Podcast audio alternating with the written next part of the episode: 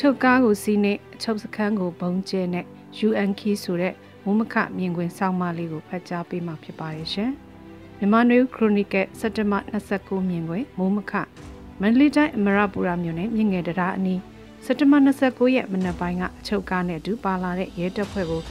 True Keeping for အမရပူရကတိုက်ခိုက်ခဲ့တဲ့တဲ့ရင်ကိုတိုက်ခိုက်သူတွေကိုယ်တိုင်ကထုတ်ပြန်ပါတယ်။နိုင်ငံအကျဉ်းသားများလွှဲပြောင်းပို့ဆောင်ရအချုပ်ကားကိုထောက်လန်းရရှိတာကြောင့် မဟာမိတ်မျိုးပြပျောက်ကြားအဖွဲ့များနဲ့မြင့်ငယ်တရားအနီးမှာတိုက်ခိုက်ခဲ့ရမှာရဲနှုတ်နေရာမှာသေဆုံးပြီးအကျဉ်းသားတအုပ်ထိခိုက်ဒဏ်ရာရပြီးတော့ရှေးဦးထွက်ပြေးပြီး6ဦးပြန်လည်ဖမ်းဆီးခံရတယ်လို့ရေးထားတာဖတ်လိုက်ရပါတယ်။တော်လိုင်းကာလအတွင်းရဲစခန်းတွေကင်းစခန်းတွေနဲ့စစ်စေးဂိတ်တွေကိုမြို့ပြနဲ့စင်ကြေပုံးတွေမှာပျောက်ကြားခုခံစစ်စင်သူတွေကပြစ်မှတ်ထားတိုက်ခိုက်ကြတာပြင်အကျဉ်းအောင်တွေကိုလည်းတိုက်ခိုက်ခဲ့ကြပါတယ်။ လူတော်လိုင်းရဲ့သူရဲကကိုချင်းမင်းကိုစီယာတော်နဲ့ရဲဘော်နှုတ်တို့ကိုစစ်ကောင်စီကျိုးပေးတပ်ဖြတ်ခဲ့ပြီးနောက်မြို့ပြပျောက်ကြားတွေကအင်စိန်ထောင်ကိုပြစ်မှတ်ထားတိုက်ခိုက်ခဲ့ကြပါတယ်။ခုတစ်ခါနိုင်ငံရေးအကျဉ်းသားတွေတင်ဆောင်လာတဲ့အချုပ်ကားကိုစီးနှင်းတိုက်ခိုက်ဖို့ကြိုးစားရမှာမအောင်မြင်ပဲ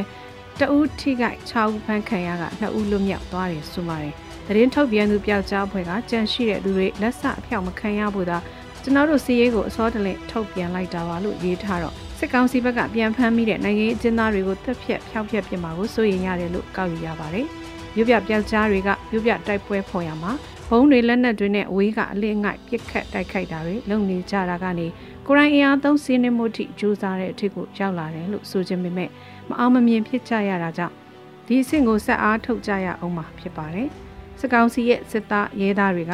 ကျွတ်မနိုင်ကြီးမီးရှို့တဲ့ရက်ဆက်ကြမ်းကြုတ်မှုကိုကျင့်သုံးတာမို့ သူတို့ကိုစီးနှင်းတိုက်ခိုက်ခဲ့ရရဲ့လက်တုံပြန်တဲ့အနေနဲ့သူတို့လက်ထက်ကရက်သားတွေခုခံသူနဲ့ဆက်နွယ်သူတွေကိုအရှင်ထားမှာမဟုတ်ဘူးဆိုတာသိကြနေပါတယ်။ဒီရအတွင်းသတင်းတစ်ခုကတော့ရခိုင်တတော်အေကဖမ်းဆီးထားရှိတဲ့စစ်တုံးမအချင်းစခတ်နေရာတွေကိုစစ်ကောင်စီတပ်ကဝေဟင်ကနေဘုံကျဲတိုက်ခိုက်လို့ဖမ်းဆီးရမိထားတဲ့စစ်ကောင်စီတပ်သားတွေထိခိုက်သေးဆုံးမှုတွေရှိခဲ့တယ်လို့စက်တဘာ28ရက်ညပိုင်းမှာအေအေကထုတ်ပြန်ပါတယ်စစ်ကောင်စီဖွဲ့ကချက်လေရင်၃စီးနဲ့နိုင်ဝက်ကြာဘုံကျဲတိုက်ခိုက်ခဲ့တာဖြစ်ပါတယ် တိုက်ခိုက်တဲ့နေရာကတော့မောင်းနှုံးမြို့နယ်အတွင်းမှာရှိတဲ့